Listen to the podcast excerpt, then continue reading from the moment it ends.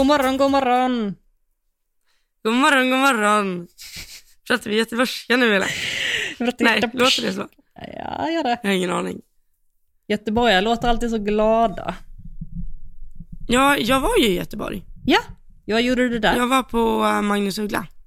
Just det. Ja, det sa vi förra Men han är väl veckan. inte från Göteborg? Han är väl från Stockholm, eller? Det tror jag med hans dialekt, ja. Ja, just det.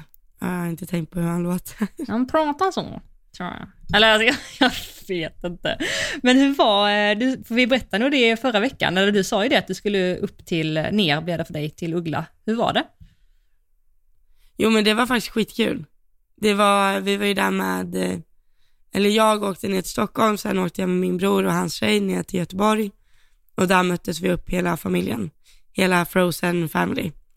Elsa, Anna och Olof. Och mamma och pappa. Ja. Och så var vi på Uggla och sen eh, åkte vi hem. Ja, det är ju inte hela Ja. sanningen va? Nej, nej, okej, det var inte helt, nej, just det. nej, jag åkte en liten eh, avstickare hem och provade två hästar också. Ja, Ja, på vägen hem ja.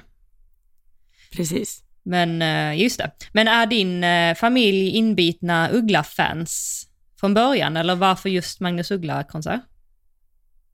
För att vi alla är kung i baren. Nej, jag skojar. En av er i alla fall. Eller hur? Eh, du, jag är lugn om man jämför med min bror kan jag säga. Men, eh, nej, jo men det är vi väl. Och sen har vi varit på det förut, hela familjen, men det här var väldigt många år sedan. Så jag tror det var lite kul att gå på igen liksom. De fick ju det i julklapp av oss. Ah, okej. Mm. Mysigt. Mysigt att göra någonting tillsammans med familjen. Ja, Verkligen. verkligen. Vad har du gjort i helgen då? Mm, det är, är det onsdag idag? Nej, torsdag är det idag va? Torsdag? Ja, det är länge sedan helgen. Var det i helgen jag tävlade? Nej, det måste varit förra helgen. Gud vad dåligt minne jag har. Ja, det måste varit... Nej, jag hade Ja, nog en ledig helg denna helgen och bara, ja, hade inget eh, planerat. Så att, eh, nej, och helt tävlingsfri eh, också var jag. Jag tävlade för förra helgen. Ja men precis, vi spelade ju in ett poddavsnitt förra veckan där vi båda hade tävlat, men vi pratade inte om tävlingen. Och så kom vi på lite under tiden att just det, vi kanske skulle pratat lite om det. Ja.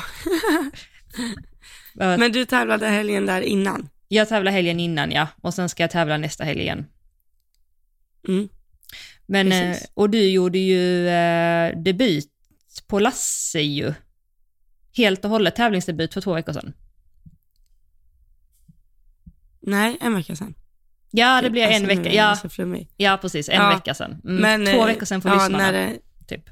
ja, Mm. precis. Det var en onsdag var det. Just det. Berätta. Eh, jo, men eh, han var jätteduktig. Då var jag iväg med eh, Badou och Lasse till Sundbyholm och red en meter och en och tio.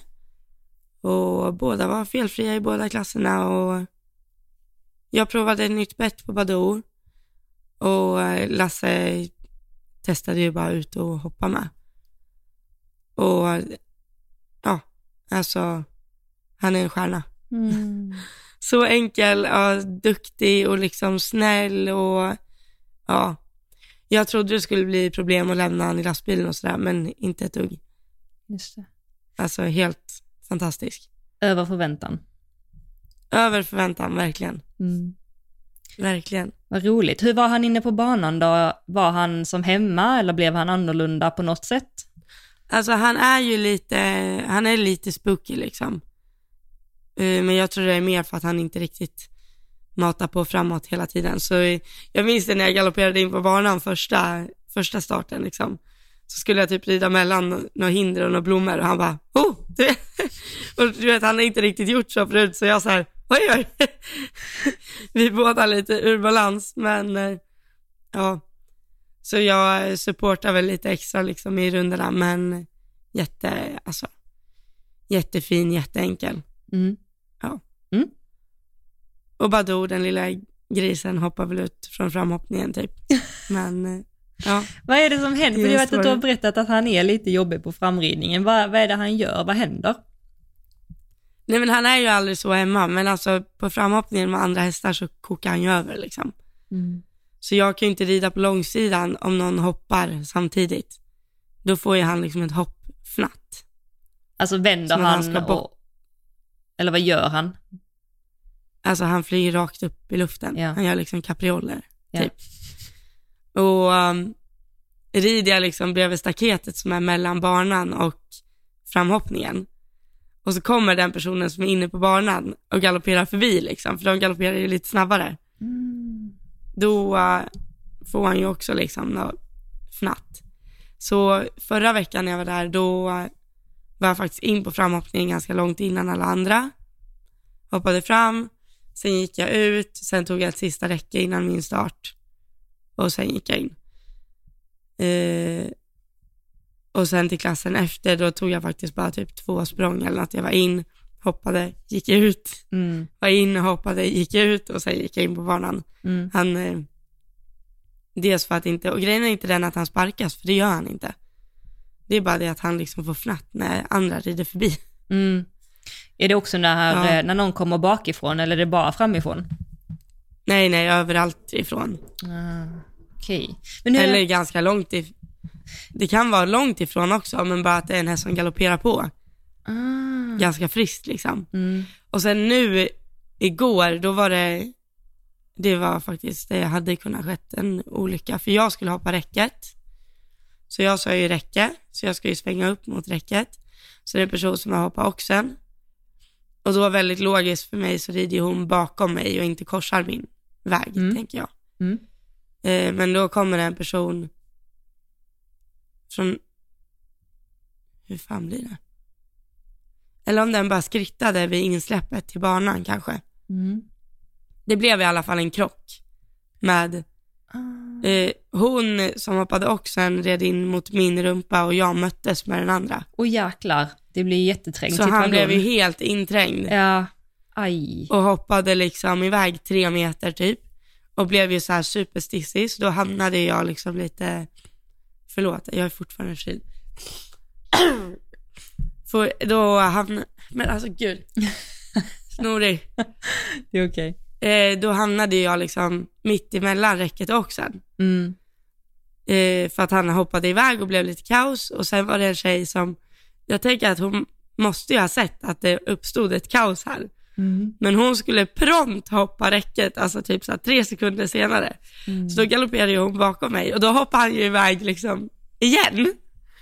Och då var det bara så här, nej alltså nu, nu går jag ut för han, problemet är liksom att han, eh, han drar ner huvudet, hamnar bakom lod liksom och blir inte styrbar utan han bara springer i liksom sidvärts typ. Mm. Och möter jag upp med för mycket ytterhand då hoppar han uppåt. Ja, det är inte lätt. Och det är så här, det är, det är inget beteende han gör hemma. Så det är så här, jag kan heller inte träna på det mer än att han måste vara cool där inne. Mm. Så jag känner just, just igår var det lite kört för han blev verkligen liksom försiktig för andra hästar då. Så då, ja. Mm. Men jag tycker det är bra att du gör så, att du eh, minimerar framhoppningen som du gjorde första gången där, att du går ut i tid, hoppar fram innan, citationstecken, innan alla Mm. andra och sen bara går in och tar ett räcke och sen går in. Eller hoppar färre språng och sen går in. För att jag menar, du hoppar ändå så pass eh, låga klasser eller sådär, Ja. att man kan gå in även om inte man har en full framhoppning bakom sig.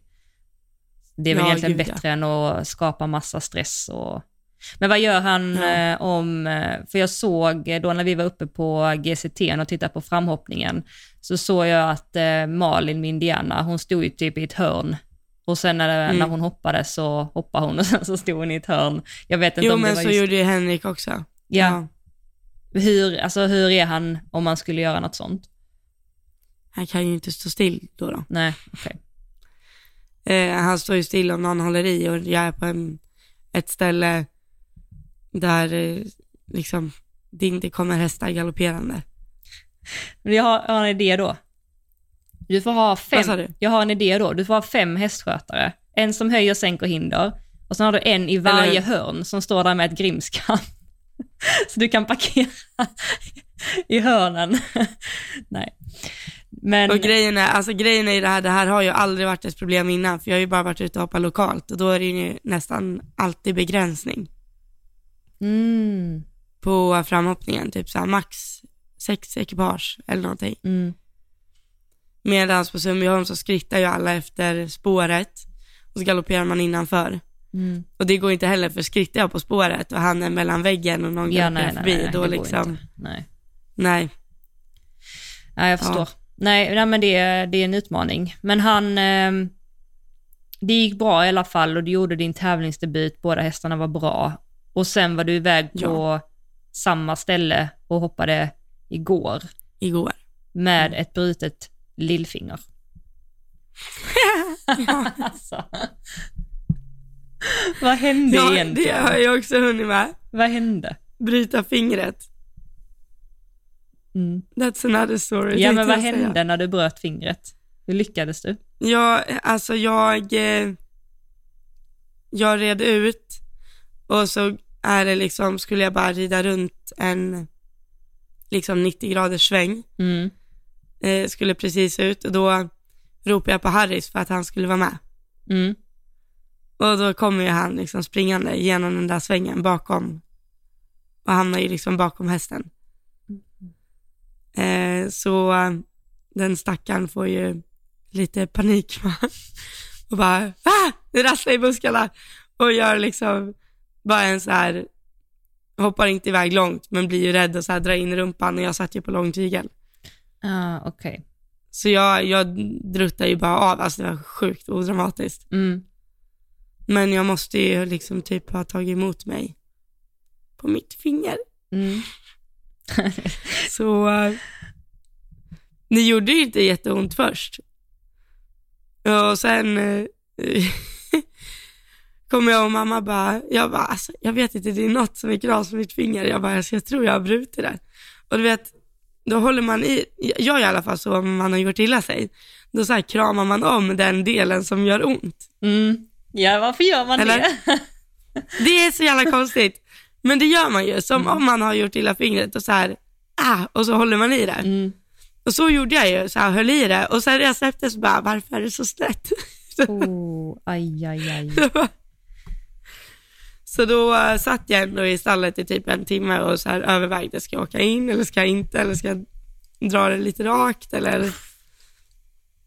Mm. Och sen eh, ringde jag faktiskt min, ja Lina då, så bara, bara, jag tycker du borde åka in. Jag bara, okej. Och det gick faktiskt fort. Mm. Och de, eh, alltså jag var ju tokblå redan när jag kom in liksom. Så de röntgade ju ganska fort också och sen, Mm. sen snackade jag till mig att slippa gips. Ja, alltså de ville gipsa det från början alltså. Nej, eller de sa typ så här att antingen gipsar man ju eller så eh, sätter man en sån här skena, typ. Mm. Men den där skenan var liksom alldeles för rak för hur jag kunde hålla fingret. Mm. Och då sa de att gips kanske är bättre, men då sa jag att det kommer bli jätteäckligt för jag är i stallet. liksom. För då måste man dra så här runt handleden typ. Mm. Eh, så då kom vi fram till och de bara, ja för du eh, hade tänkt rida låter det som. Jag bara, jo alltså, jag ska ju tävla imorgon jag. det är så här. Men eh, sen eh, fick jag bara sån här som man fixerade mot ringfingret. Så jag får ju rida med tygen mellan långfingret och ringfingret då. Just vänstra. Ah, shit, det går. Alltså. Det, det är ju verkligen böjt. Alltså jag, jag får kalla det kroken här, eh, hädanefter. Ja men nu är det ganska, alltså nu är det rakt. Nej, Lite. det är det inte alltså. Nej. Men de drog det rätt. Men jag kanske har, kanske har blivit fel igen. Ja, det, vi får Men du har ju inte heller på ditt sånt skydd. Jag var på och tjatade lite på dig. Jag, Shh, du var- inte säga så. nej, det är ju tyvärr... Jag har det i stallet men inte hemma om jag bara sitter så här. Det känns så varmt och klibbigt och så. Mm. Men du, Det är en väldigt speciell känsla att bryta något. ja fy, ja, alltså det är min värsta fasa i livet att bryta något. Har du, har du brutit något gång? Aldrig någonsin. Åh gud, jag vågar inte säga så nu. Jag måste... Nej, men alltså det är så här, det är typ så här ilar på ett spännande sätt. Åh, har du brutit någonting innan det eh, fingret? Nej, alltså jag har ju bara brutit svanskotan. Bara. Men min värsta, Jag har aldrig brutit något annat. Min värsta mardröm är att bryta någonting rakt av så att det sticker upp från huden. Alltså det är liksom, ja, Men gud, det, det är så en öppen fraktur. Ja men fy fasen.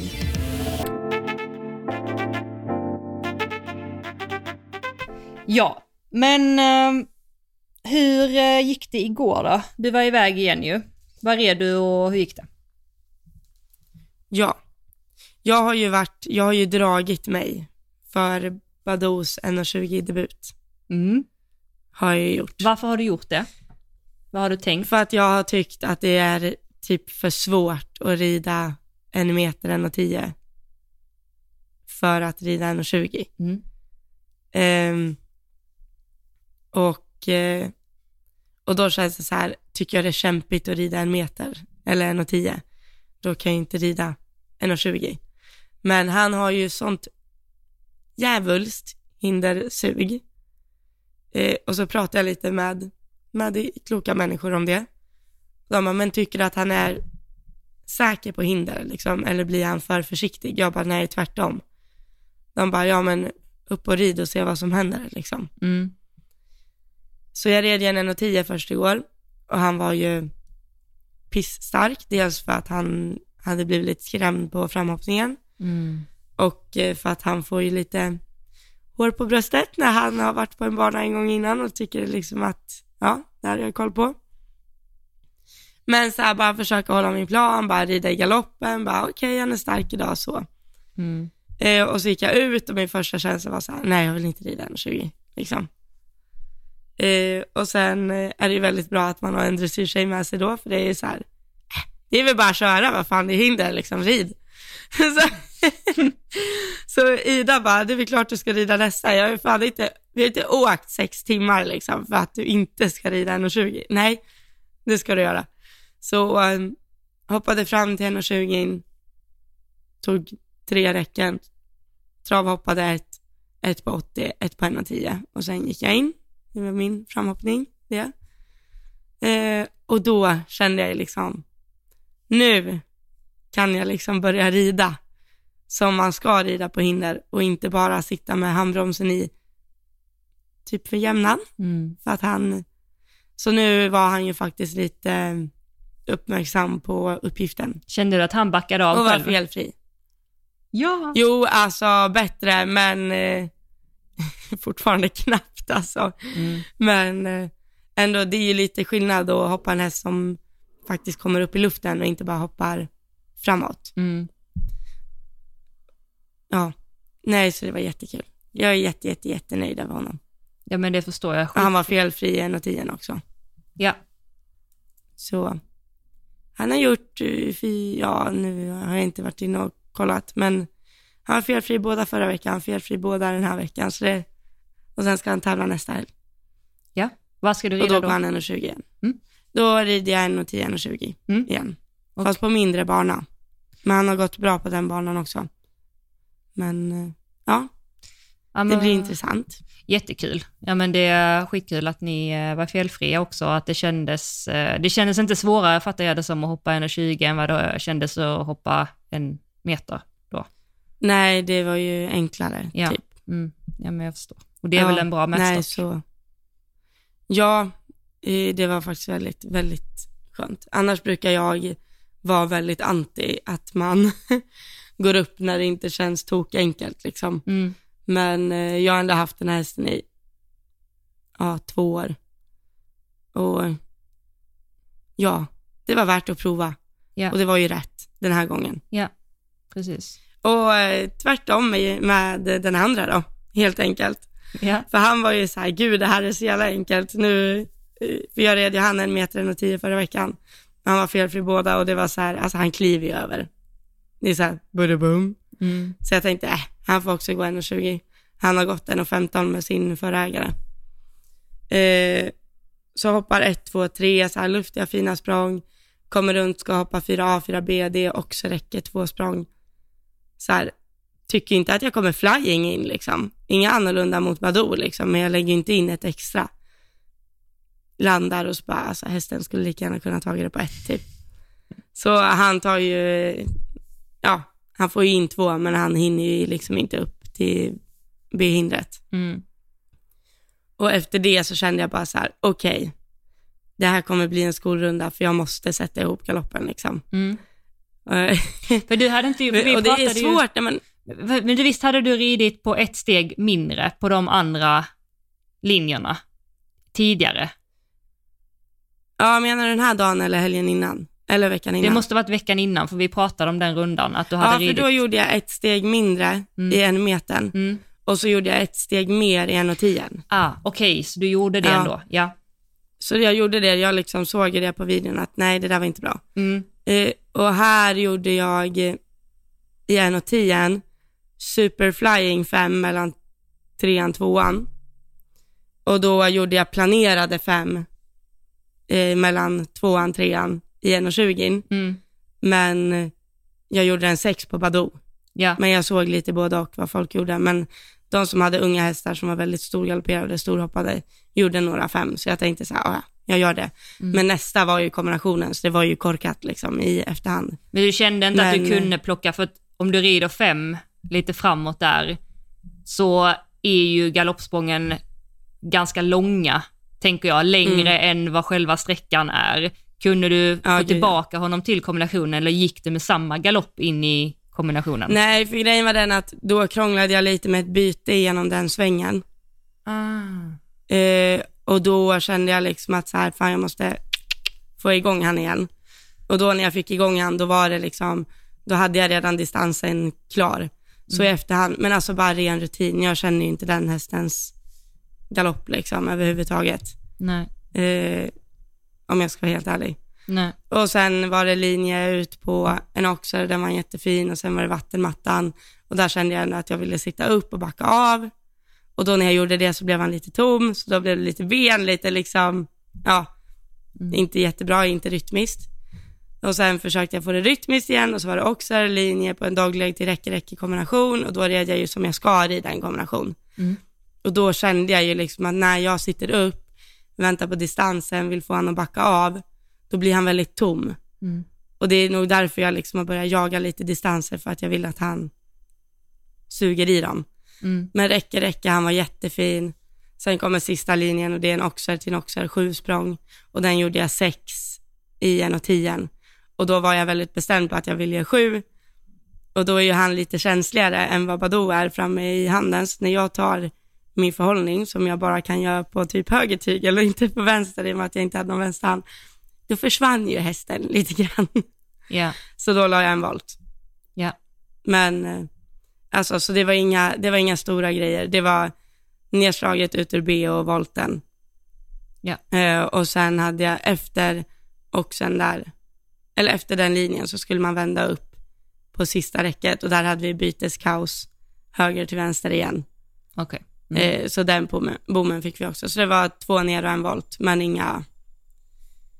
Jag, jag kommer nog ändå rida 1,20 nästa gång också, Mm. som jag känner. Ja, men För eh, styrningsproblemet förtjänade han verkligen inte och inte första kombinationen heller. Nej. Så ja, Men det är ju jättesvårt när man inte känner en häst, hur man, eh, man känner inte galoppen helt, man vet inte exakt hur de är, alltså det tar ju tid innan man lär känna Mm. dem och vet hur de är och hur de reagerar och sådär. Och utifrån det, menar det är ju så man ser på en bana hur man ska rida, för att man känner hästen, man vet om att man har en häst med större galopp, man vet att man har en häst med mindre galopp, man vet att man har en häst som är långsam eller kvick. Utifrån det bestämmer man ju hur man ska rida. Men har man inte det så får man ju bara hela tiden gå på öppen bok. Och eh, när man går på öppen bok som du gör nu så samlar du ju erfarenhet hela tiden. Så det är väl bara, det är bara en runda liksom i, eh, ja, på rutinen. Rutinkontot. ja gud ja. Gud ja. Men han ska också Så gå, han ska också gå nästa vecka. Ja det ska han. Ja. Precis. Mm. Och så ska jag tävla två hästar i helgen. Och sen fler hästar nästa vecka. Yes. Det är planen. Du är på Förlåt, gång nu? min tvättmaskin kanske hörs nu. Jag vet inte. Nej. Jag tror inte det. Jag märkte att i förra poddavsnittet, du vet när jag satt i stallet, eh, när flygorna kom och satte sig på micken, det hördes ju i poddavsnittet. Nej, gjorde det? jo, det gjorde det. Så det, våra mickar är ju riktigt bra, de tar ju upp allt ljud som de inte ska ta. Jag säger sådär nu när min tvättmaskin centrifugerar här, men ja. Nej, det är nog bra. Det är nog lugnt.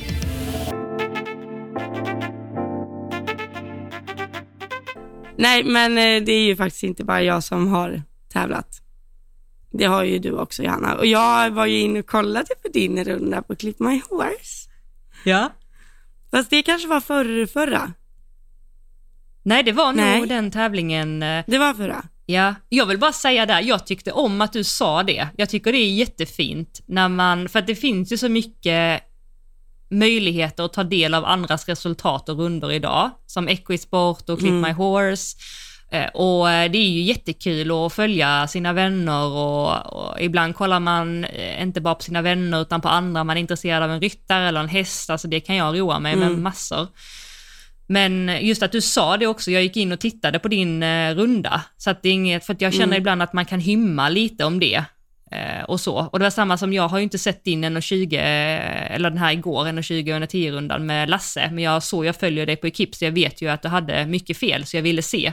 Så sa jag ju det till dig nu också, att jag har planerat att titta, men jag hann inte nu innan vårt möte. Men jag, jag vet inte, jag bara tycker det är så här äh, skönt när någon kan säga, jag såg din runda, eller jag var inne och tittade, eller jag följer dig, eller så. Det känns som att Mm. alla gör det, men ingen säger det, typ. Ja, alltså. Jag brukar vara inne och kolla dina. Sen brukar jag vara inne och kolla Linneas. Och så. Men det är nog mest dem faktiskt. Ja. Eller er, Ja, skulle jag säga.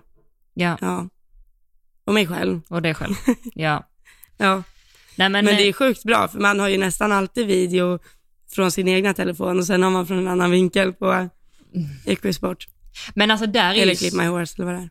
jag tycker det är så stor skillnad på, eller inte alltid, men många gånger så kanske man själv fil, film, filmar från en vinkel och så filmar Equisport eller Keep My Horse från en annan vinkel. Och sen tycker jag att deras, eh, deras kvalitet, alltså när man tittar på deras filmer så dras, det gör det väl alltid på film, det ser mycket långsammare ut. Det är som att hastigheten dras ner, allting rör sig mycket långsammare än vad det gör i verkligheten. Och även då vad det gör tycker jag från om man har filmat med iPhone. Så att jag kan ibland titta på samma runda från olika vinklar och få helt olika bilder och tankar och Jag tänkte säga det också, för jag tycker alltid att mina runder ser bättre ut på Clip My Horse än vad de ja, gör i telefonen. Och det är ju för att eh, de... Eller så är det för att man står närmre så det så här swishas förbi liksom. Ja, men jag tror också att det döljs mycket när, eh, alltså på film överlag så döljs ju saker och ting än om man står på läktaren. alltså minsta lilla, du vet man rör lite på handen eller man blir lite så rör lite extra på skänken. I verkligheten syns det ju jättemycket, med, medan på film Mm. så ser det, så slätas det ut lite grann. Eh, Ja, gud ja. Men, eh, nej, men jag tycker det blir extra mycket på, eh, på Clip My Horse och Equisport. Men du var inne och Mm. tittade där, det var jag avbröt dig. Jag var inne och kollade på Fia. Var Ja. det. Fias en meter var det. Ja. Tror jag. Mm. Så nu Jag kommer alla det andra var också göra det. teknisk en meter, eller? Var det inte? Eller? Eh, Så här räcke, räcke, kombination rakt över banan jo, jo, det var, eh, det var också faktiskt, eh, kombinationen var 11 och 20 eller 11 och 30, någonting sånt. Det var en jättelång eh, kombination, vilket var positivt för min häst som eh, uppskattar utrymme. Men, eh, och samma, den linjen som var också till räcke var 26 och en halv meter i en meterklass. Och jag eh, har inte varit med, nu kanske någon sitter och, och lyssnar här bara, det är väl helt normalt, men jag brukar typ stiga till eh, 25 och en halv i de här lite lägre klasserna. På sin Mm. höjd 26, men det var en lite längre linje. Men eh, nej men det, det var eh, bra, jag har börjat ta ut Fia lite mer nu. Hon har ju, jag har inte tävlat henne sedan innesäsongen. För att jag har känt att eh, där finns så mycket arbete att göra. Och det gör det ju fortfarande. Men jag börjar lägga ihop små, små pusselbitar. Jag har jobbat jättemycket på att eh, få henne att vänta och inte hoppa för mycket framåt utan försöka hoppa lite mer uppåt. Jag har också jobbat mycket, mycket övergångar för att hon blir ju gärna att hon eh, blir lång och drar ner huvudet och balansen faller framåt och hon är ju byggd i eh, ur balans tyvärr. Eh, så att jag får ju hela tiden kompensera hennes balans. Medan på Kalle så kan jag ju lägga mig fram på halsen och han är fortfarande i uppförsbacke så att säga och har balansen. Så att det har varit, det är ganska tufft och jag kan till och med säga så att när jag börjar rida ute och träna ute, när man har lite större utrymme och man kan ha lite mer galopp och sådär, så hade jag jättesvårt att rida ett till åtta hemma bara, utan att göra volter, göra halter, för att det blir, det, det går bara Eh, eh, snabbare och snabbare är fel, men hon blir bara tyngre och tyngre och längre och längre och jag har svårt att, och eh, få henne tillbaka mellan hinderna och sådär. Så att eh, jag har ju bara gjort ett par tävlingar med henne nu, mm, nej två stycken bara, en 90 och en en meter och det har gått över förväntan. Och det är jätteroligt. Faktiskt. Det, tittar man på rundorna utifrån, alltså jag brukar titta på mig själv när jag bedömer en runda och så leker jag med tanken att om jag hade sett eh, min kompis, alltså jag kan tänka så, om Elsa hade ridit den här rundan, hur hade jag tyckt då? Eller om någon mm. jag inte alls känner hade ridit, hur hade det sett ut då? Eller någon jag ser upp till jättemycket, hur hade det sett ut då? Så att jag ser mig själv objektivt, för ibland är det så, man är ju självkritisk själv och så. Mm. Men jag tror, ser man på det objektivt så är det ju ingen fantastisk runda, men om man tittar utifrån var hon kommer ifrån, var vi kommer ifrån, så är det väldigt, väldigt många bra saker. Och det är det som betyder någonting. Så det var roligt. Ja, för det, vi, vi pratade ju om den rundan då, när mm. vi pratade i telefon i typ en timme. Ja. Innan vi skulle podda sen. ja. ja. Men eh, då sa jag det också att det syns ju verkligen när när du får igenom det som du vill. Mm. Och när det inte riktigt går igenom hela vägen liksom. Mm. För det, det hoppade ju ett räcke där nere på tvåan liksom, där hon är jättefin och igenom och allt. Och alltså jag känner igen mig så mycket med mm. Badou. Alltså för han är ju också byggd, han har ju sin tung, tyngdpunkt liksom framåt neråt. Ja. Verkligen. Alltså jag har en så rolig screenshot från hans 10, jag måste nästan lägga ut den. För han har ju landat, alltså kommer jag, tittar han lite på ett hinder, då vill jag inte komma jättestort på det. Jag vill komma liksom normal distans, lite ben om och bara sluta handen. Bara det att lägger jag ben om och han är lite för känslig som han kan vara ibland, eh, då liksom spurtar han ju iväg efter hindret. Ja. Alltså det är den roligaste bilden jag har sett tror jag, för han landar tre och en halv meter bakom kanske och hindret står liksom någon helt annanstans och hans språngkurva är liksom, men han har inte rivit. Jag, alltså jag förstår inte. Men där, eh, alltså där tycker jag ändå att Fia känns som att hon är duktigare på att vända ut liksom, för hon har ju sjukt bakbensteknik liksom och det som hon kanske hade kunnat lugna ner sig lite med. Ja, ja men det har hon, men hon har, ja, jo, det kanske är jämfört med Badou så, men hon är ju, hon hoppar ju väldigt mycket framåt och hennes språngkurva är ju för mycket bakom hindret än över hindret. Ja. Alltså högsta punkten är inte över hindret, utan den är Nej. bakom. Och speciellt jag hoppar 91 meter, alltså det är ju det är så låga hinder så att det är ju svårt också, speciellt på en sån häst när det är så lågt ju, att eh, få henne att backa av och hoppa lite högre och så. Men det har ju blivit mycket bättre. Men eh, det är så svårt för att jag, när jag sitter upp på henne, och bara känner in, inte nu, men jag tänker bara typ en månad, två månader tillbaka och sen då från att jag fick henne så har jag haft bilden av att hon är stark i vänstersidan. Alltså när jag sitter och håller i tyglarna så mm. upplever jag att det är mycket starkare i vänster än i höger. Och sen så mm. säger, säger min tränare att det är tvärtom. Och jag bara, jaha, men varför känner jag att hon är starkare i vänster då? För det blir ju, mm. och det är det här som är så, så himla himla svårt, att hon, det blir ju som en, eh, ett försvar där hon blir stum i vänster. Hon är egentligen mycket starkare i höger, det är hennes starka sida. Men hon blir Mm. stum i vänster så att jag känner att det är starkt men det är fake om man säger. Och när jag Mm kunde lita på det och han, han red ju mina hästar i två veckor då när jag var sjuk, när jag bara lämnade bort hästarna. Eh, och sen fick jag träna när jag skulle hämta dem och känna igenom sådär. Och då kände jag verkligen från första början bara oj, just det, hon är ju faktiskt eh, starkare i, eh, i höger. Eh, och när jag har börjat rida henne för det nu så blir saker och ting lite lättare. Men jag får ju då också, typ som den här linjen du tänker på, jag skulle hoppa ettan, den står lite halvdiagonalt och så var det en böjd linje vänsterbåge till eh, ett räcke. Då känner jag att jag kan, jag får inte dra i vänstertygen för mycket, men jag kan heller inte släppa utan jag måste ha en kontakt där. Men jag känner ju där att hon lägger sig på den vänstertygen. Så att jag, Mm alltså vad heter det, jag, jag, jag resistar, jag ger liksom inte efter utan jag håller kvar. Nej. Och sen så bara så här helt plötsligt, två galoppsprång innan, så bara oj, nu, nu fungerade det och då blev det ju att jag har henne alldeles för mycket böjd eh, över Ja, hindret. Men, Alltså så. Så att det blir ju verkligen så här hela tiden och då kan jag ju inte lägga en bedömning i så här, åh hon var för mycket böjd där, det var dåligt, utan det var mer så här, vad var tanken innan, försökte jag göra det jag skulle, ja.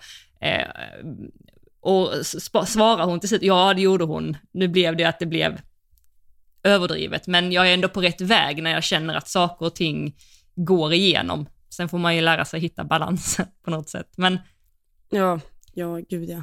jag är glad att jag... Men hon är väl liksom, hon skjuter ut vänsterbogen. Eh, ja, precis, det gör hon. Eh, Ja. Och hon, eh, eh, hon, eh, nu ska vi se, nej högerbogen blir det ju. För att hon hoppar ju, hon hoppar ju till vänster. Då skjuter han väl ut, nej vänsterbogen då ju. då för hon hoppar till vänster, ja precis, vänsterbogen. Eh, så att jag får ju hela tiden liksom försöka då tänka på den. Alltså jag får ha min vänsterskänkel och min vänstertygel och sådär utan att det då blir att hon blir eh, liksom överböjd. Sen är grejen bara så här att hon är riden på ett sätt innan så att hon är väldigt, def- alltså eh, när man blir, eh, eh, vad heter det, det heter det defensiv, alltså att man, hon väntar ju på att man ska dra och gå emot henne, så att hennes första respons är ju alltid att gå emot och bli stum och bara så här, stänga av. Så att man får liksom inte heller, man kan liksom inte ta henne för hårt heller, för att hon Nej. blir ju helt stum och går emot. Så att man behöver hela tiden spela och hitta det här läget. Men återigen, det, det är en lång resa. Det jag är glad över att jag har kunnat rida de här två sista banorna nu i ett jämnt tempo. I ett undertempo, Mm. men i ett jämnt tempo. Och eh, att jag har kunnat få tillbaka henne mellan hindren där jag har känt, du vet det här när man känner att man Att du blir klar liksom. Ja, att man känner att hästen bara, alltså man får igenom det. Och så har jag då övat Mm. mig på att det här, när hon kommer tillbaka, kan jag inte, min referensram har varit att det ska kännas jättebra och få tillbaka henne helt, men hon kan inte leverera det. Så att jag får tillbaka henne tillräckligt och då vara lätt och våga rida utifrån det, eller fortsätta rida utifrån Mm. det. Mm. Och det har jag klarat av. Innan har jag ju inte kommit till läget att jag ens kan få tillbaka henne. Så det blir att hon ligger på handen i landningen, ligger på handen mellan hindren, ligger på handen till nästa hinder och så byggs det ju bara Ja. på och till slut så går det ju inte. Till slut kan lilla Johanna inte sitta emot längre. Åh, gud. Det går inte nej. Oj, nej, nej, nej, Och bommarna flyger. Så att, eh, Så. ja, nej, så det, det var bra. Och sen Kalle fick gå ner och hoppa en, eh, en 10-klass. Jag hade ju, det var ju ganska svårt uppe i Göteborg. Eh, Med facit i hand så kanske det var lite tidigt för mig att rida den tävlingen var jag kom ifrån. För att jag, som jag sa, jag hade ju varit ifrån hästarna i två veckor. För att jag hade varit eh, dels sjuk fysiskt, men jag mådde ju väldigt dåligt som jag berättade i podden, eh, psykiskt där med postcoviden. Så att jag kom ju ifrån det och sen så gjorde jag en tävling och sen så åkte jag dit och det var ju tufft och svårt. Men samtidigt så är jag jätteglad att det som hände hände, för att jag fick ett wake-up call kring att oj, det här Mm. fungerar ju inte. De här sakerna behöver bli bättre ridbarhetsmässigt. Och det tog jag ju då verkligen med mig till den här 1.10-rundan. Och eh, det känns som att det finns någonting att bygga på nu för lite större klasser. Jag behöver ha Mm. jag behöver att han, han måste ta mig till hindren av, sig själv. Han måste gå av sig själv. Jag behöver en lite kortare tygel så att jag är mer tight med honom. Och eh, framförallt att eh, när jag tar en förhållning så kan ju inte hela maskineriet lägga av. Nu överdriver jag, det gör det väl inte helt, men jag måste ju känna att när jag tar en förhållning så, så, eh, av, så slutar inte allting. Alltså, utan Det han får inte fortsätter. bli tomt liksom. Nej, för det, det går ju inte.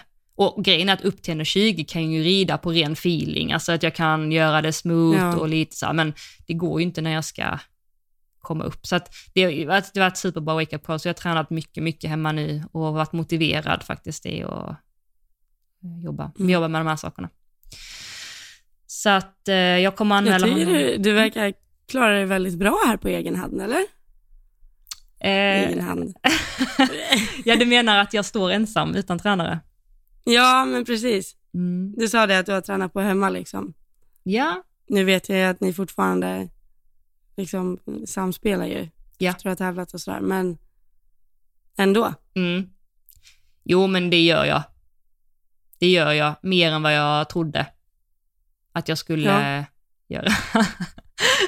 Det är en vinst i sig.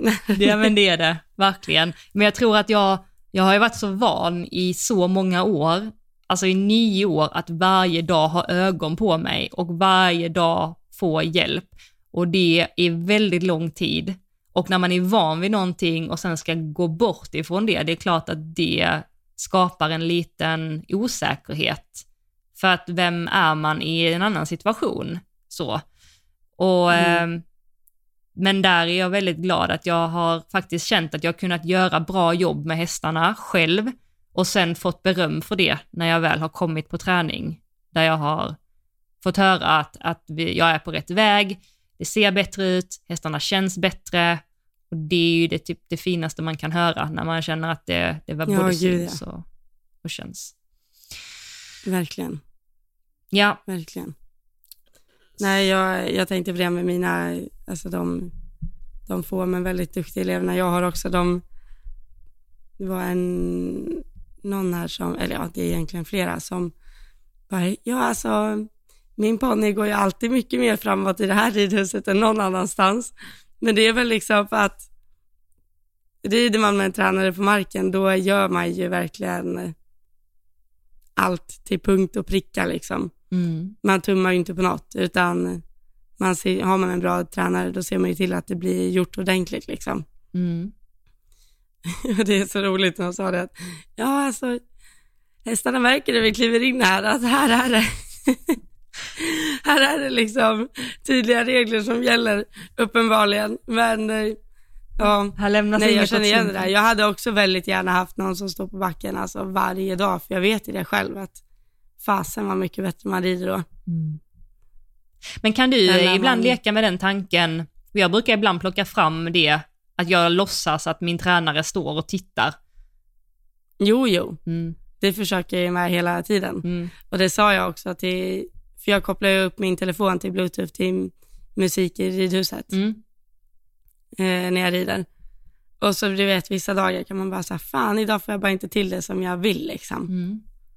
Och Ida bara, men du jag har ju filmat dig när du har tränat för Linnea i 25 minuter så du måste ju kunna koppla upp det. Jag bara, så hör du allting.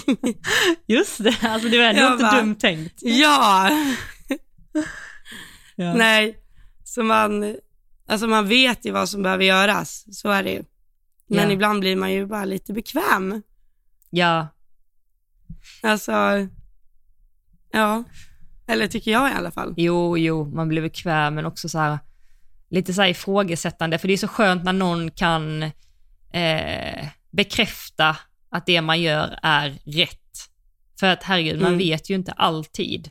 Det kan ju kännas som att man ska göra en grej, men det är ju skönt om någon bara kan säga ja, du är på rätt väg. Och Ja. eh, jag tänker att du Ja, tränar ju inte så ofta så att du har allting färskt heller. Ja. Så att, eh, Jag har faktiskt tänkt att komma ner till Skåne. Faktiskt. Nu tävlar jag den här helgen, nästa helg och helgen efter det.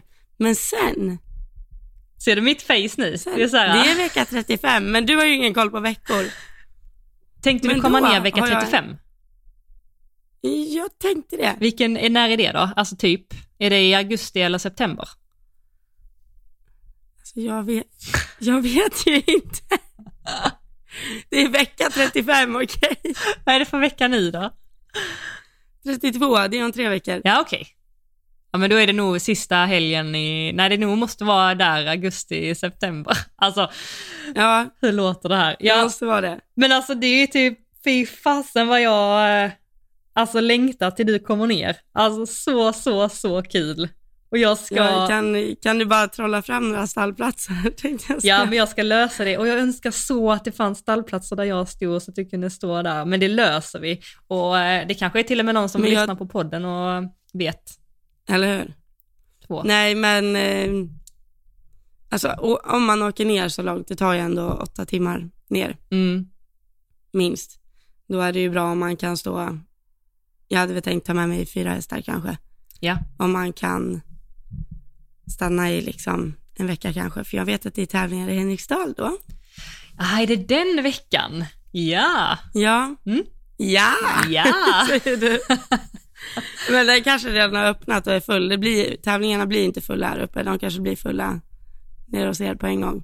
De blev Den fulla, har men eh, öppnat. den tävlingen, jag var osäker, jag tror att den ligger som utkast fortfarande, för jag var inne och tittade. Eller ligger den som öppen? Jag vet, den är inte full i alla fall, det är jag helt säker på. Ja, Man får väl anmäla och avanmäla annars. Ja, precis. Ja, det är bättre att bara anmäla så kan man anmäla sen. Alltså det är nej, men så Mm. roligt eh, om du kommer ner och då måste jag hänga med på Om du ska träna så eh, vill jag hänga med också. Ja, alltså Linnea vet inte om det här än. Hon är ju på VM. Nej, hon vet inte om det. Hon är på VM. Nej. Hur kan hon eh, vara på VM när du håller på att planera din resa till henne? Nej. ja, nej, men, eh, men du har kollat VM. Ja, eh, första dagen igår, onsdags, så red ju Eh, Sverige så var hoppning för första dagen och eh, jag hade faktiskt med eh, datorn till stallet för att kunna kolla på svenskan i alla fall. Och första dagen och det här startfältet, det, det var ju en sex timmars sändning så att jag hade varken möjlighet eller tid eller egentligen ork att sitta i sex timmar och titta. Så att jag valde ut några ryttare som jag ville se på och så har jag tittat på dem och sen slängt ett öga ja, men mellan att man var klar med en häst och innan eh, man skulle ta den nästa hästen, alltså lite så. Så eh, jag, Mm. eh, jag var jätte, det var ju jätteroligt. Jens var först ut och var felfri. Tyckte han red jätte, jätte, jättebra. Och sen så Malin hade ju tyvärr det lite, lite, lite jobbigt där med Indiana. Hon hoppade väldigt mycket uppåt och hon, eh, ja, jag, jag såg inte intervjun, jag skulle vilja se den vad hon sa efteråt där, så jag låter vara osagt vad hon sa, men eh, det vet väl folk vid det här laget vad som hände. Eh, Jag vet inte, jag har inte ens kollat henne. Jag har inte kollat någonting. Nej, men nu spoilar jag ju det kanske då. Vi kanske Nej, men det är lugnt. Jag vet att de leder. Ja. ja. Det är ju... Men hade hon Då- några ner eller Hon utgick hon, hade- eller vad hände? Eh, hon hade två ner, va? Eh, Okej. Tror Ja. jag. Och eh, när hon var i och touchade lite här och var och sådär. Men jag skulle vilja höra vad hon sa eh, efteråt. Eh, för jag förstod Mm. det som att hon, hon inte kändes helt bra och att jag tror att hon har ett, ett jobb att göra idag, så att säga. Jag tror att hon får, ja, det blir nog till att rida idag, så att säga. För det kändes nog inte helt Ja. hundra. Men eh, jag låter det som sagt vara osagt för att jag har inte hört hennes ord själv. Och sen eh, Henkan var ju felfri och eh, King Edward hoppar ju fantastiskt som alltid. Som alltid. Och det är så kul han kommer på sista linjen, det är ett räcke. Det är bara så här, kommer i full galopp typ och sen så bara innan lägger han den. Och så bara okej, på hur många hästar kan man, kan man Nej, göra det är det? helt typ? sjukt. Alltså den där har ju, alltså, bungee jumps under sina fötter. Ja, det är helt- sjukt. Ja, Helt Ja. otroligt. Och eh, Ja. sen eh, var ju också Peder felfri. Så att eh, jag ska hålla utkik lite idag också och kolla svenskan i alla fall och så. Sen eh, får man ju sitta klistrad när det är final. Ja, Men du har inte sett sounds någonting? Men jag har inte sett någon, jo jag har varit inne och kollat Linneas runda enbart. Mm. Men eh, annars har jag inte kollat någonting. Eh, faktiskt, jag ska. Jag bara vet inte riktigt när. Nej. Men eh, så jag så här försöker, man ser ju resultaten ändå, men sen är det ju ganska spridd eh, nivå här första, första dagen, har Ja. jag förstått, Mm. av de som har kollat. Mm. Absolut. Det är ju lite, lite nationer som man liksom inte visste fanns ens, eh, som är med och hoppar Mm. också. Mm. Men eh, det känns väl som att det kommer väl bli en match mellan Sverige och USA och liksom Det blir en Ja, repris på OS där? kanske. Tyskland, vilka är det mer? Eh, Ja, repris på OS, precis.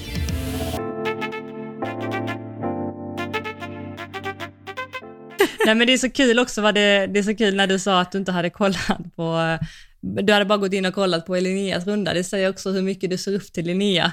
Det är så här, skit i hur det går Ja. för Sverige, skit i hur det går för Mer än Jag allt, det var det första jag gjorde när jag satte mig i bilen. Jag vet, vet att hon hade startnummer 79 typ, så jag drog fram den så här direkt. Jag bara, där någonstans borde det vara. Och så bara 59, vem var det? Typ så här Michael Flanderflöten. Jag bara, nej det vill jag inte se framåt mer. Här, ja, nej. Men eh, nej, gud nej, det, hon är för evigt min gud tänkte jag säga. Ja, det har du verkligen, eh, det har du verkligen visat innan. Viktigt. Viktigt. Yes. Men, eh, Alltså, mm. nej, nej, jag kanske, det, Jo, det kanske inte var något. jo säg. Jo, alltså, jag var, på tal om det så satt jag igår och scrollade igenom typ hela min Instagram för att jag har ju fortfarande lite Bell-sorg. Ja. Och eh, det här, nu kommer jag säga något som är väldigt jobbigt att säga. Men på video så tycker jag att jag red bättre för två år sedan än vad jag gör nu. Hmm. Okej. Det är inte roligt Det- att se. Det var faktiskt väldigt stort av dig att säga det, men jag är nyfiken på vad du grundar det på. Vad är det du tycker ser bättre ut? Eller på vilket sätt red du bättre? Nej men jag vet ju att, alltså för, om vi drar tillbaka tiden ännu lite längre, kanske fyra år sedan, då var det ju, alltså för mig var det ju inte viktigt hur, eh, alltså bärighet, dressyr, allt det där, men det som jag gjorde till livets viktigaste grej var ju stilla hand, stilla skänkel, stilla säte. Du vet så här, jag, hästen kunde få göra precis vad den ville, men jag skulle sitta så här, Okej. så. Mm. Mm. Eh, och det tycker jag var bättre då. Och sen scrollar jag liksom en del, och jag har ju problem med ryggen Mm. eh, sen jag ramlade av i vintras. Och det stör jag mig på nu. för när jag rätar på, förlåt, Nej, ingen fara. för när jag rätar på mig så sitter jag fortfarande lite rakt. Du, jag sitter fortfarande lite som Quasimodo liksom. Mm. Men nu säger du två olika grejer. Vi måste bryta ner det här. Det första, Ja. hur du rider och sen nu det andra med att du inte känner att du rätar upp dig när du känner att du rätar upp dig. Kan vi bara börja med en sak? Ja, För du sa att innan, eller du grundade på att det såg bättre ut förut för att du satt mer stilla, för att du la också mer tid på att sitta stilla och inte röra någonting. Ja. Och var det det du menar att det såg bättre ut för några år sedan? ja. Ja, okej. Eh, och, Eller alltså det är ju två, jag tänker att det är flera anledningar. Mm. Jag tänker att det är tre anledningar. Ja. Att jag är mer medveten om vad hästen gör nu. mm, Att jag lägger mindre tid på att, eh, jag lägger mindre tid på att ha skänken stilla och bla bla bla. ja, För jag tänker så här att det sitter i mitt muskelminne ändå. mm, Så det är inget jag aktivt tränar på. mm. Och det tredje är att jag har ont i ryggen. Ja, Vilket okej. gör att jag ser ut som Quasimodo. Så Okej. det här är ju de tre sakerna. Ja, Men då är det så här, okej, vad är jag villig att offra för att få det att se ut som det gjorde förut? mm. Och vad hade det varit då? Ja, alltså Quasimodo kanske man borde göra någonting åt. Typ sökvård liksom. Men, eh, Ja, Jag är så här, när ska jag ha tid för det? Ja, ja, nej men eh, det går ju att göra någonting åt. De andra två, mm jag vet inte. Nej, men jag tänker, svarar du inte lite på din egen fråga där? För att, okej, nu bara säger jag utifrån hur det, hur det låter och sådär. Förr la du mer vikt vid att eh, sitta still och eh, nu gör du inte det så mycket, men vad du har lagt tiden på istället är ju din inverkan och få, men som du säger, du känner in hästarna mer, du lägger mer energi på hästarna, du lägger mer energi på själva ridningen, rent tekniskt tänker jag.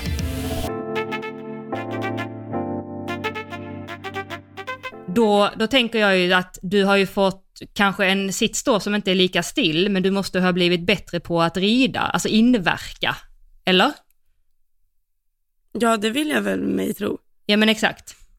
Så då tänker jag att det inte är så konstigt. Men då är ju frågan så här att om du säger så här, det, det var bättre förr, eller jag red bättre förr, är det hela sanningen då? Det kanske såg mer stilla ut, men red du inverkansmässigt bättre förr, eller rider du inverkansmässigt bättre nu?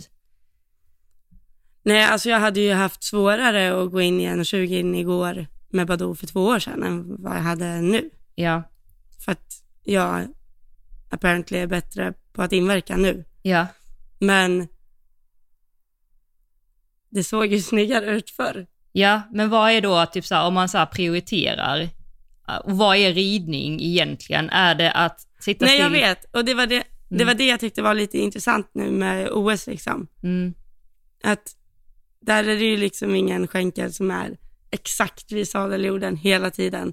Eller händer som är precis mega, mega stilla, utan det är liksom, de, gör, de är ju där för att göra sitt jobb under, under rundan liksom. De ska ju göra allt de kan för att vara felfria. mm, mm, Nu är Linneas skänkelläge väldigt bra ändå, men ja, det var ju en annan femma. ja, mm, eh, där är vi inte riktigt än, eller jag inte riktigt än. Eh, men det är där jag tänker, ett mega proffs liksom. Om vi tar till exempel eh, Peder eller Henrik eller Malin. ja, Ingen av dem har ju så här blickstilla skänkelläge. nej, Det har de ju inte om de rider en 1,30 på Sundbyholm heller. nej, Så det är ju inte bara med höjden på hindren att så här, det är svårare att sitta på en häst när den hoppar sjukt högt. nej, Det är inte bara det, nej, utan det är också så här, men det gör ju inte dem till en sämre ryttare ändå. nej men exakt. Och det var det jag ville landa Nej. lite grann i, att det kanske inte sitter i hur duktig man är beroende på hur still man sitter eller hur perfekt rent enligt skolboken man sitter, utan hur man får hästarna, eh, hur, man hur man rider, hur, hur man inverkar, hur man får hästarna att vilja göra ett jobb och hur man får hästarna att göra det jobbet man vill och eh, använda kroppen och alltså är det med hela den ridtekniska biten, det är ju det som gör en till en bra ryttare. Sen menar jag inte att man inte ska tänka på sin sits, det tycker jag absolut är något man ska träna, tycker jag, så är det Ja, verkligen. gud ja, gud ja. Men jag menar det, det, jag tänker att du är lite orättvis om du säger att du rider bättre för två år sedan för att du satt mer still. För att det är ju inte hela sanningen. Nej, så är det ju. Ju. Men både du och jag lägger ju väldigt mycket vikt i Ja. att sitta still. Ja, gud. Alltså lite onödigt mycket vikt i ja. att, Ja, vem är jag och, och är- liksom hacka på dig för det? Det är ju värsta hyckleriet. Jag är ju likadan. Alltså, verkligen. Ja. Men det, jag tror jag sa det i något poddavsnitt.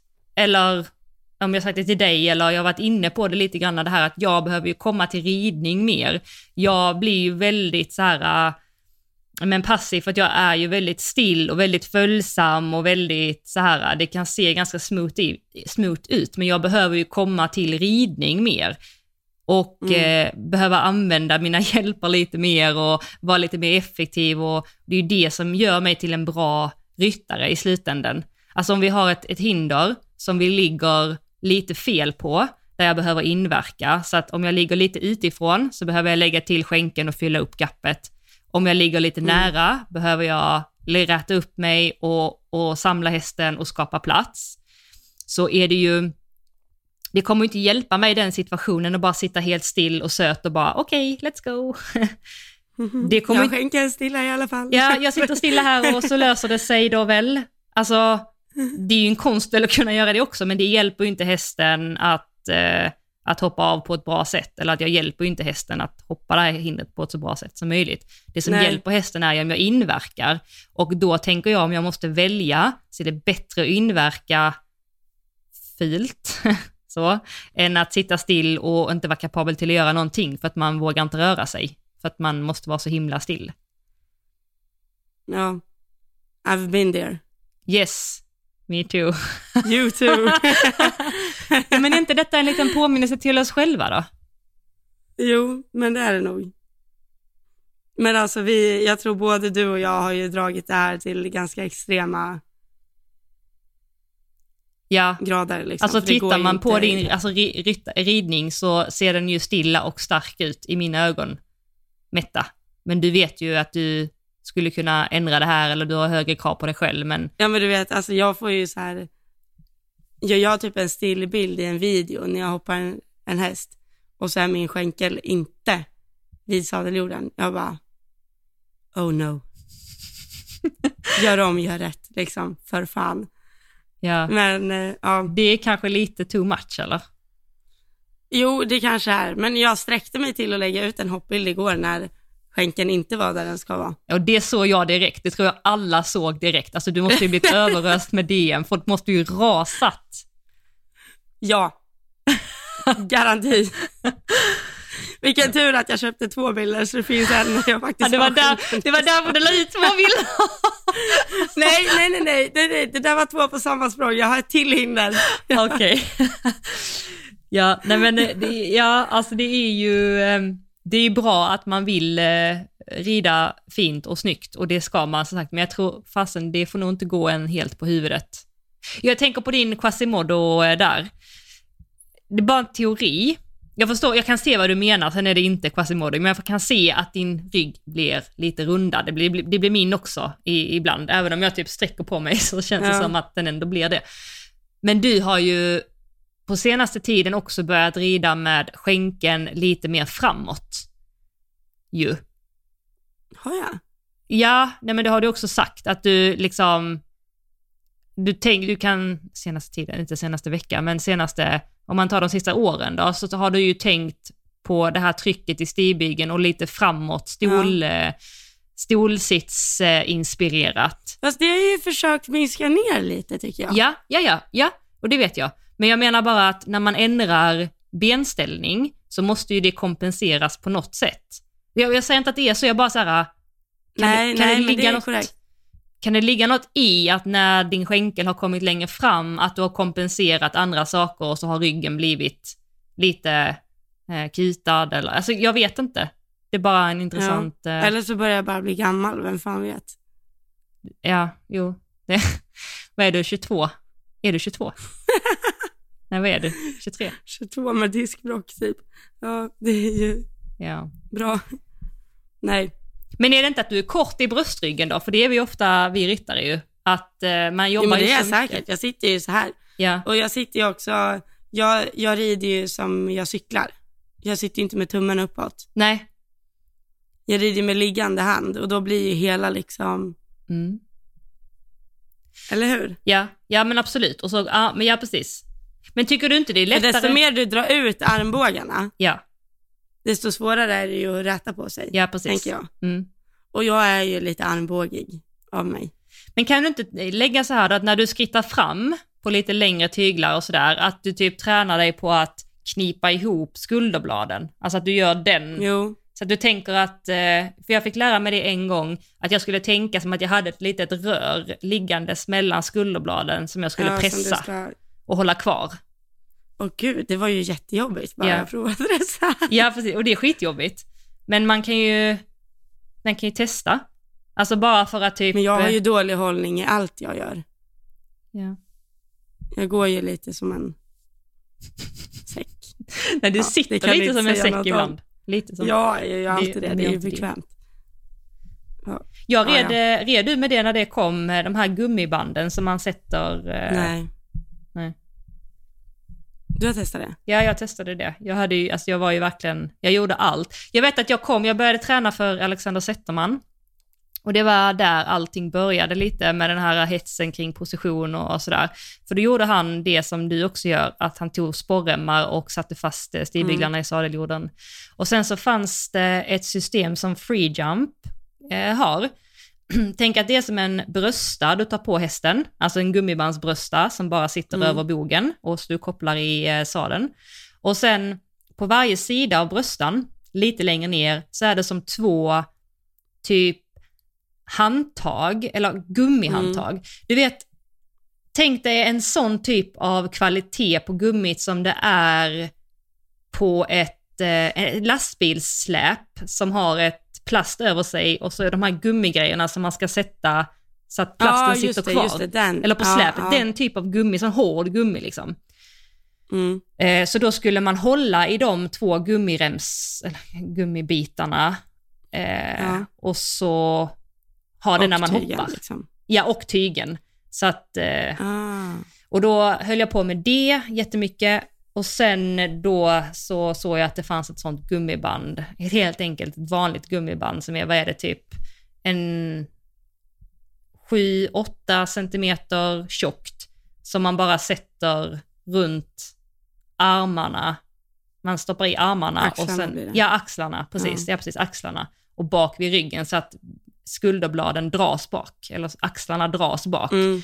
För att man då skulle ha en upprätt position och sen ha armbågarna in till sidan. Och då blir det ju ganska låst. Och jag, jag tror typ inte riktigt på det systemet, för att jag, ja, du blir ju liksom, du blir ju ganska stum. Du kan inte röra dig mm. så, så mycket. Men jag tror ändå på det för att hitta lite granna, alltså att, att få en liten känsla av hur det kan vara, eller hur, man, hur långt man kan ja. komma bak med axlarna och så. Men då höll jag på med det. Intressefråga där med mm. det där som man ska ha när man hoppar, när du håller i bröstan. Mm. Jag säger hålla i bröstan nu, fast det inte stämmer. Mm. Blir eftergiften då efter mankammen eller mot munnen? Den ska ju vara att du bara precis ska lägga den vid mankammen, för den är ju, de är ju så pass långa så att mm. du behöver inte sära på händerna när hästen hoppar för att ge eftergift. Ut nej, nej, såklart. Men det var, för när du ger eftergift över hinder, då ger du väl efter mankammen? Ja. Ja. Du med? Ja, mm. alltid. Mm. Jag ger aldrig alltså, framåt. Nej, precis. Eller förstår du vad jag menar? Aldrig mot eh, munnen, utan alltid liksom efter mankammen. Ja. Men det där är olika. Ja, det, det finns olika. många som ger, alltså mot men jag skulle typ känna att då kan man ju landa och dö. Eller jag vill ju ha mankammen liksom framför mig. Ja. Eller förstår du vad jag menar? Ja, verkligen. Det, tränar, det försöker jag träna mycket på, för jag har ju, eh, mina landningar är ju min eh, akilleshäl. Att jag går nästan tillbaka för tidigt, så jag har svårt att hitta tajmingen. Och så har jag så himla korta armar.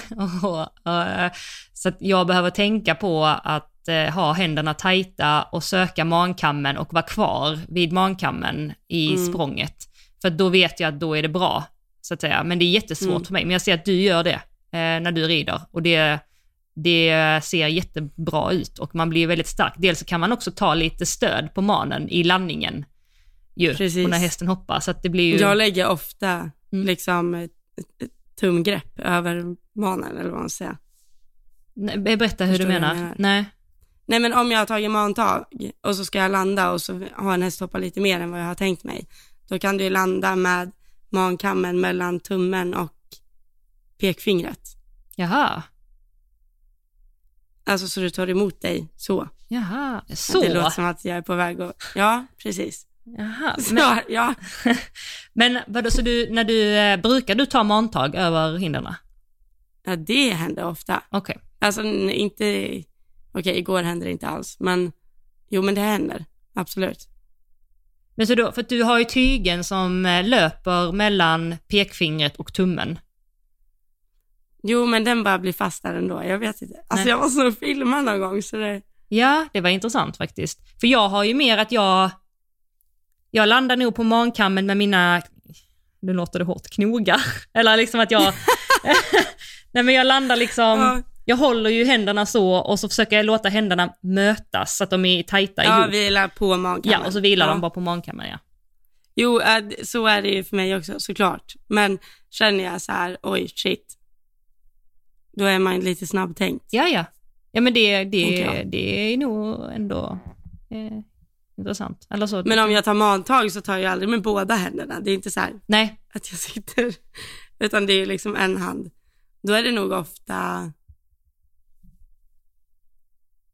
jag tror det är ofta en hand jag tar magtag med. Jag tror det är höger i så fall. ja, Om jag tar magtag ja, så är det alltid samma hand. ja, samma här.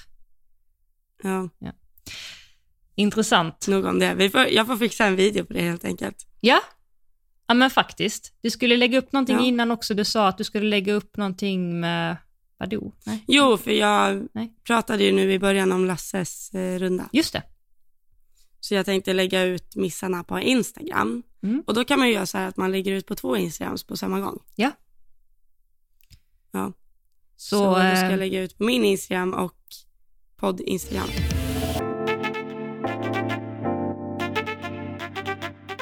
Vi närmar oss eh, slutet va? Ja, jag tror det också. Vi avrundar här eh, Vi avrundar här. idag. Jag var tvungen att kolla på klockan. Jag bara, oj, ja det gör vi. ja. Det gör vi. Och sen eh, är det så att man eh, vill stötta vår podd så eh, har vi ju ett swishnummer som man jättegärna får skicka ett litet bidrag till.